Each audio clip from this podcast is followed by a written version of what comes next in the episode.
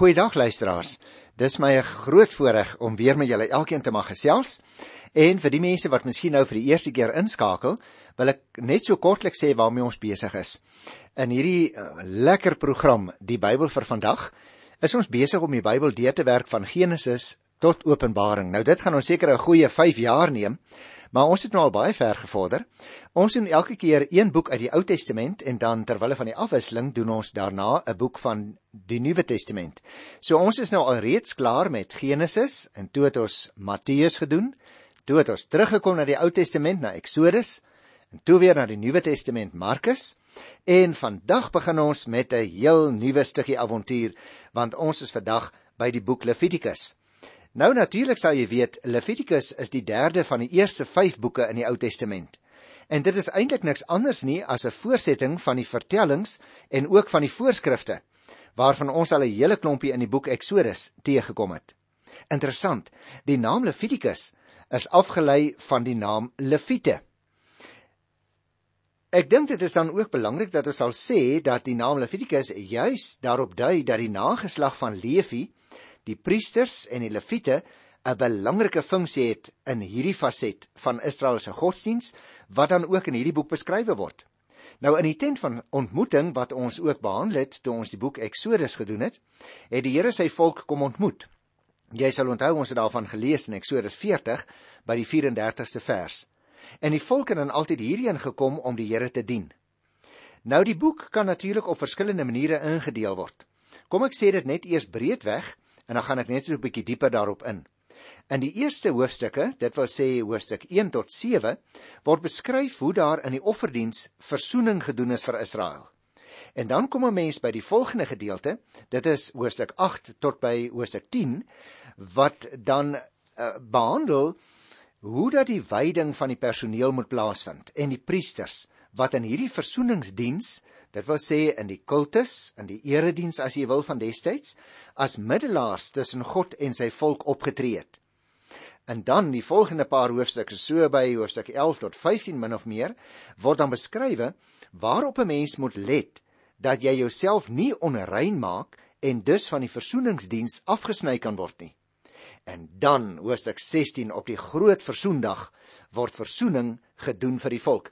En ek wil net as nagie sê ek dink dat 'n mens in 'n sekere sin Levitikus hoofstuk 16 so op sy eie kan plaas. In 'n sekere sin sou ek self sou sê dit is die kernhoofstuk in die hele boek. En dan kry mense nou die klompie laaste hoofstukke. Dit wil sê hoofstuk 17 tot 27 en daarin word die eie soortige leefstyl van die volk van God soos reeds in die hoofstukke 11 tot 15 beklemtoon is verder uiteengesit. Nou moet ons miskien ook net weer 'n keer vir mekaar sê dat die indeling van hoofstukke ehm um, wel probeer om sekere temas en fasette so bietjie bymekaar te rangskik. Maar mense sou ook as jy in verskillende boeke kyk, uh verskillende soorte indelings kon kry. 'n Groot deel van die boek Levitikus handel egter oor die take wat die Levitiese priesters moes uitvoer in en rondom die heiligdom. En daarom is dit belangrik dat 'n mens ook so bietjie meer in detail daaraan sal aandag gee. Nou kom ek gee vir jou vir die ouens wat nou spesifiek altyd 'n potlood en 'n stukkie papier bydraand het, uh net so 'n uh, breë skema. Ek sou sê luisteraars, 'n mens kan dit in 6 hoofdele indeel. Die eerste een is die voorskrifte vir die verskillende offers. En 'n mens kry dit in hoofstuk 1 vers 1 tot 7:38. Nou elkeen van hierdie afdelings gaan ek later so bietjie fyner indeel, maar wat ek gaan dit nie nou, ek gaan dit net noem, maar ek gaan nou nie al die skrifgedeeltes gee nie. So kry jy byvoorbeeld in hierdie eerste afdeling oor die voorskrifte vir die verskillende offers dat daar gehandel word oor die brandoffer, die graanoffer, die maaltydoffer, die sondeoffer, die skuldoffer en dan kry mense aan die einde van daardie gedeelte voorskrifte vir die hantering van hierdie verskillende offers. Byvoorbeeld die tweede gedeelte, groot indeling van die boek Levitikus, handel dan oor die wyding van die priesters. En dit kry mens in hoofstuk 8 tot 10. Dit kan weer onderverdeel word in drie afdelings. Byvoorbeeld Aaron en sy seuns wat tot priester priesters gewy is. 'n Tweede gedeelte sou wees die priesters begin met hulle werk en dan 'n afdeling oor die oortredings van die priesters want dit was nou al van vroeg af ongelukkig ook deel van ons menswees selfs al is jy in geestelike diens. Die derde groot afdeling van die boek Levitikus handel oor wette wat beskryf wat is rein en wat is onrein.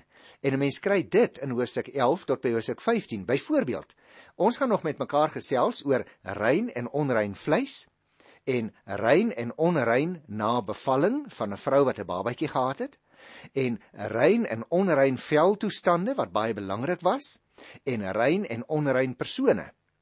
Die vierde groot afdeling, het ek vir jou gesê, is eintlik hoofstuk 16 wat op sy eie staan en dit handel oor bepaalde voorskrifte wat nagekom moet word ten opsigte van die groot jaarlikse versoendag wat dan nou natuurlik net een keer 'n jaar plaasvind het. Die vyfde deel handel wat oor wat ons gewoonlik noem die sogenaamde heiligingswet. En dit strek van Hosea 17 tot aan die einde van Hosea 26. Nou daar word ook weer verskillende sake behandel, soos ek dit later sal aankondig, ek noem dit maar net 'n paar daarvan hier. Byvoorbeeld die plek van die offer en die bloed of hoe die priesters heilig moet bly of die sabbatsjaar En en soos daar verskillende eintlik 8 verskillende afdelings en dan die slot van die boek Hosea 27 handel oor wat ons kan noem loskoop waardes. Nou ek dink luisteraars, ek wil nou nie baie aandag verder gee aan die indeling nie want dit is nou vir mense bietjie vervelig as jy dit nou nie voor jou opskrif het nie. Kom ek vertel eers vir jou so bietjie rondom die inhoud in die algemeen van hierdie boek Levitikus met die oog op dit wat ons nou nog gaan behandel in die volgende programme. Die inhoud van die boek sou ek sê, het is uit en uit te maak met die diens van die Israeliete aan God. Die eerste deel is gerig op die diens in die heiligdom. Dit wil sê die kultus. Terwyl die laaste gedeelte van die boek hoofsaaklik die lig laat val op die lewe uh, van die Israeliete buite die heiligdom met die oog daarop dat die pad na die erediens in die heiligdom vir hulle oop sou bly. Ek dink jy voel dadelik aan. Dit gaan nie hier net oor 'n klomp teoretiese dinge nie. Dit gaan hier oor geweldige ontzag vir die Here. En daarom het hulle hierdie klomp uh wette en opdragte en reëls van die Here gekry om hulle as dit ware ook voor te berei op die ontmoeting met die Here in die tent uh waar hulle aanbid het in die woestyn en dan later natuurlik in die tempel in Jerusalem. Die boek is dan ook veral bedoel vir die priesters en die Israelitiese burgers. Dit wil sê almal wat die Here as hulle God bely het. Hulle moes baie baie ernstig kyk na alles wat in hierdie wetgewing voorgeskrywe word. As mens na die aanhef kyk waarby ons nou nog sal kom, dan is dit duidelik uit die aanhef by elkeen van hierdie verskillende eenhede wat ek nou nou genoem het. Die Here sê naamlik telkens vir Moses om vir die Israeliete of soms ook vir Aaron en sy seuns of soms vir albei groepe sekere opdragte te gee.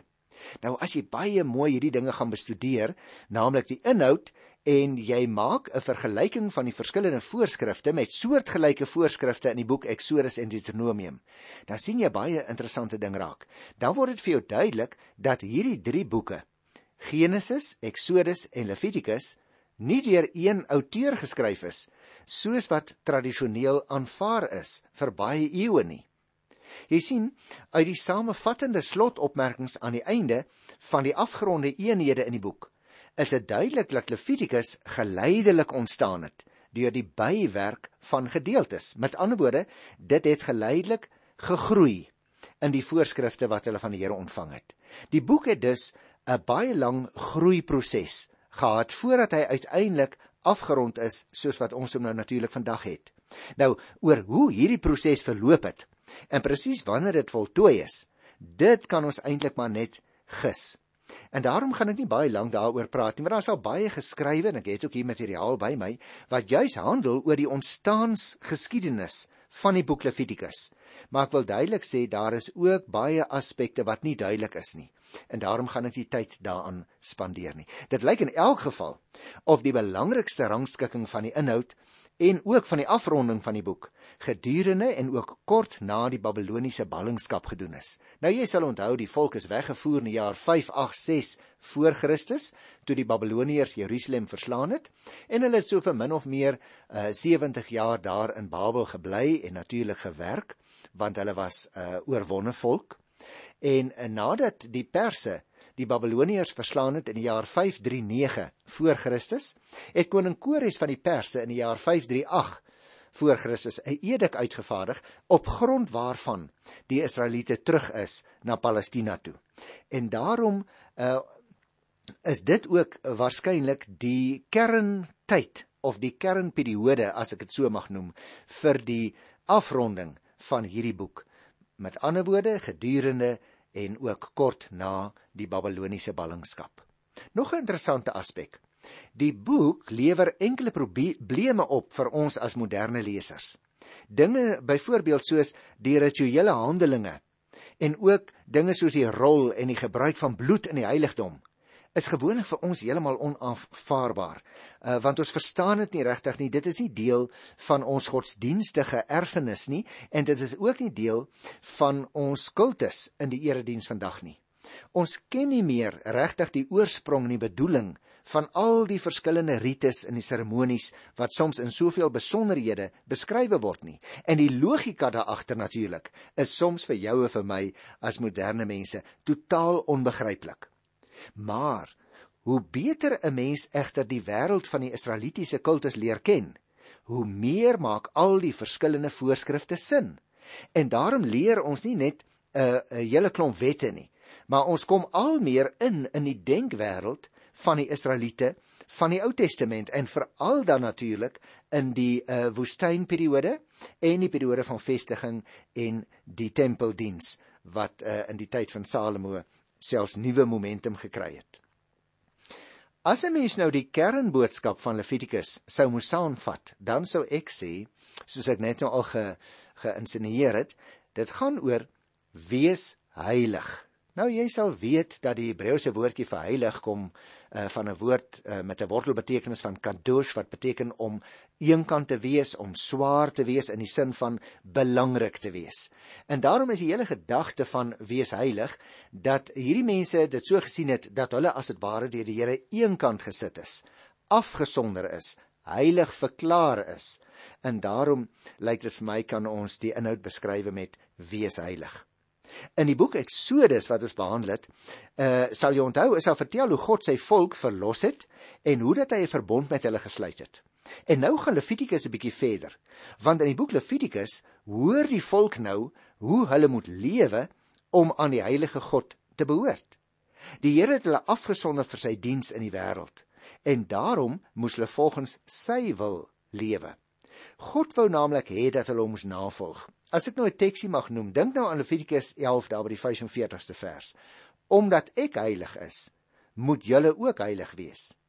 Dit kon Israel natuurlik alleen doen deur lewens van gehoorsaamheid. Want jy sien in gehoorsaamheid aan God het Israel se bestaan en hulle toekoms gelê. In die kultus wat ons so noem die erediens, het God vir hulle die moontlikheid tot verzoening gegee sodat hulle na hom toe kon terugkom wanneer hulle ongehoorsaam was. Terselfdertyd moet ons onthou, alhoewel die seremonieele voorskrifte van Levitikus nie meer vir ons geldig is nie, kan ons as Christene steeds baie uit die boek leer. Ook vir ons geld dit mos dat ons eerbied vir die heilige God moet hê. Dat ons as sondaars sonder verzoening nie tot God kan nader nie dat God lojaliteit en gehoorsaamheid eis wat ons hele totale lewe omvat. Nou sê jy ook weet, in die Here Jesus Christus het ons egter baie baie meer ontvang as die volk van die ou verbond. In die verband kan jy miskien spesifiek gaan lees in Hebreërs 7, daar van die 11de vers af tot in Hebreërs 10 by die 18de vers. So, Die boek Levitikus het vir jou en vir my baie wat ons kan leer in ons verhouding teenoor die Here. ook om heilige lewens, afgesonderde lewens, lewens vir God te lei elke dag. As jy nou verby sou vra nou maar, vertel ons net so in breë lyne so 'n bietjie 'n oorsig. Dan sou ek graag die klem lê op die volgende goed. Ek dink die kernsaak rondom hierdie heiligheid gaan dus ten diepste oor jou en my verhouding tot God. Dit gaan dus oor hoe mense in die Ou Testamentiese tyd alreeds verstaan het dat 'n mens nie sommer net in God se teenwoordigheid instorm daar moet ook 'n bepaalde instelling wees, 'n houding van eerbied.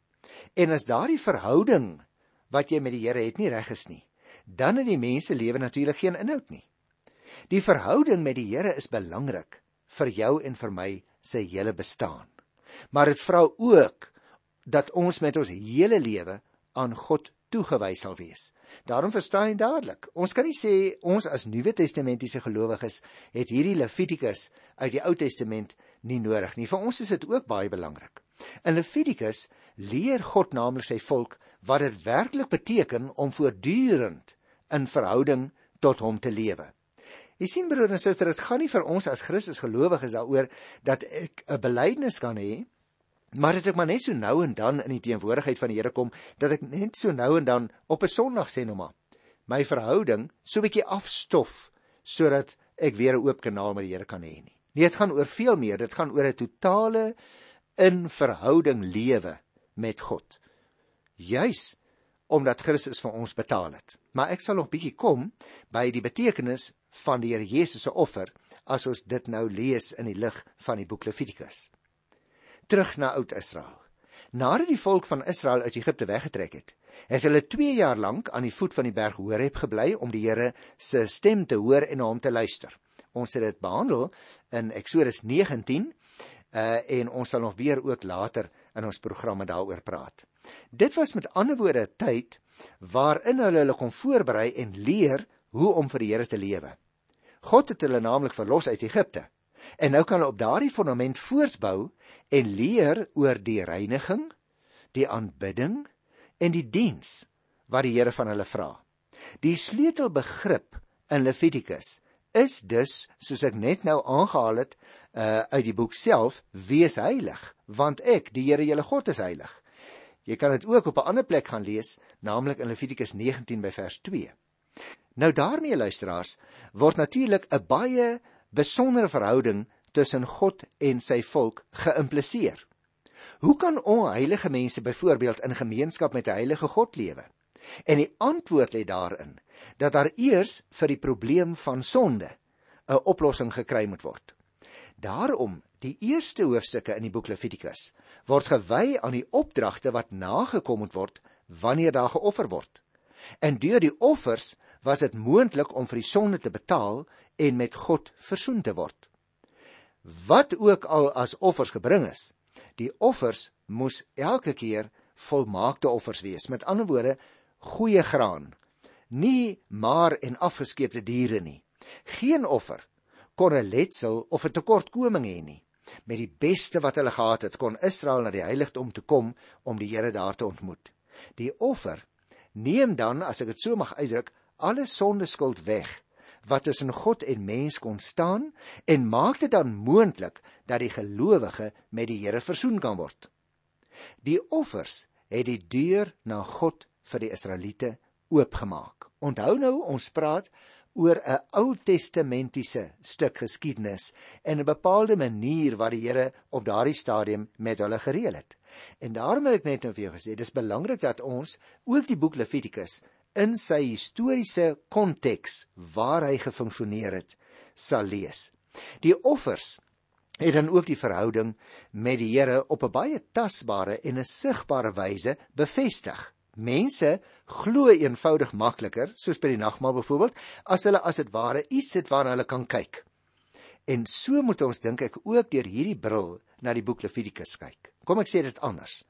Deur die diens van Aaron en sy seuns het die volk die Here gereeld by sy heiligdom kom ontmoet en met hom gemeenskap gehad. Die verhouding met die Here het egter meer behels as net die ontmoetings van tyd tot tyd by die tent van ontmoeting. Daarom het ek net ook vir jou gesê, vir jou as Christen en vir my as Christen geld presies dieselfde. Dit gaan oor 'n deurlopende verhouding met die Here. En daarom by oud Israel moes die Here se volk hom met hulle hele lewe dien. Ons lees byvoorbeeld van wette wat met reinheid te maak het en reëls wat met die gesinslewe te maak het of met sedelike gedrag of alledaagse verhoudings en elke dag se lewe in die wêreld te maak gehad het. Al hierdie verskillende opdragte verband gehou met die mens se totale lewe voor God. Die beginsels wat die grondslag van hierdie wette was, geld natuurlik vandag nog. Die verhouding met God het ook 'n horisontale aspek. Met ander woorde, as gelowiges leef mense tog in gemeenskap met mekaar. Want die Here word juis verheerlik deur die wyse waarop jou en my lewe ook die van ander mense raak. Ons leef mos nie in isolasie met die Here, net ek en die Here nie. Jy weet luisteraar, vroeër was dit nogal so dat mense gesê het, maar ek praat nie graag oor my godsdienst nie, want dit is 'n persoonlike saak. Dis 'n saak tussen my en die Here. En die boek Levitikus gaan juis vir ons leer Ja, in die eerste plek staan ek as gelowige in 'n verhouding met God, maar dis nie 'n geïsoleerde verhouding nie. Ek staan terselfdertyd teenoor baie mense in die gemeenskap elke dag in 'n verhouding en daarom moet juis iets van my verhouding met die Here deurgekaats word, deurvloei in my omgang met ander mense. En dit kom ook na vore in die voorskrifte oor bepaalde tye en geleenthede byvoorbeeld. Levitikus laat naamlik ook die klem op feesviering val, want daar word opdragte gegee met betrekking tot die verskillende soorte feeste wat in Oud-Israel geldig was. Daar was gereelde feesdae waar tydens die volk hulle opnuut aan die Here moes toewy. En dan kon hulle ook weer 'n keer oor en oor dink aan alles wat hy vir hulle gedoen het in die verlede. Hulle kon hom loof en dank. Hulle kon aan sy grootheid dink. Deur die offer van die Here Jesus Christus aan die kruis is al jou en my skuld natuurlik vir eens en vir altyd betaal. Ons is nou met God versoen. Hy gee aan onsself die voorreg om sy kinders te wees. Nou wat Levitikus ons nou leer, is dat ons as sy kinders nie net volkome in sy vaderhand is nie, maar ook volkome aan die Here toegewy moet lewe met ons hele lewe. Ja, met alles wat ons het, alles wat ons dink, alles wat ons doen. Daarin moet ons altyd verreken of dit die Here verheerlik.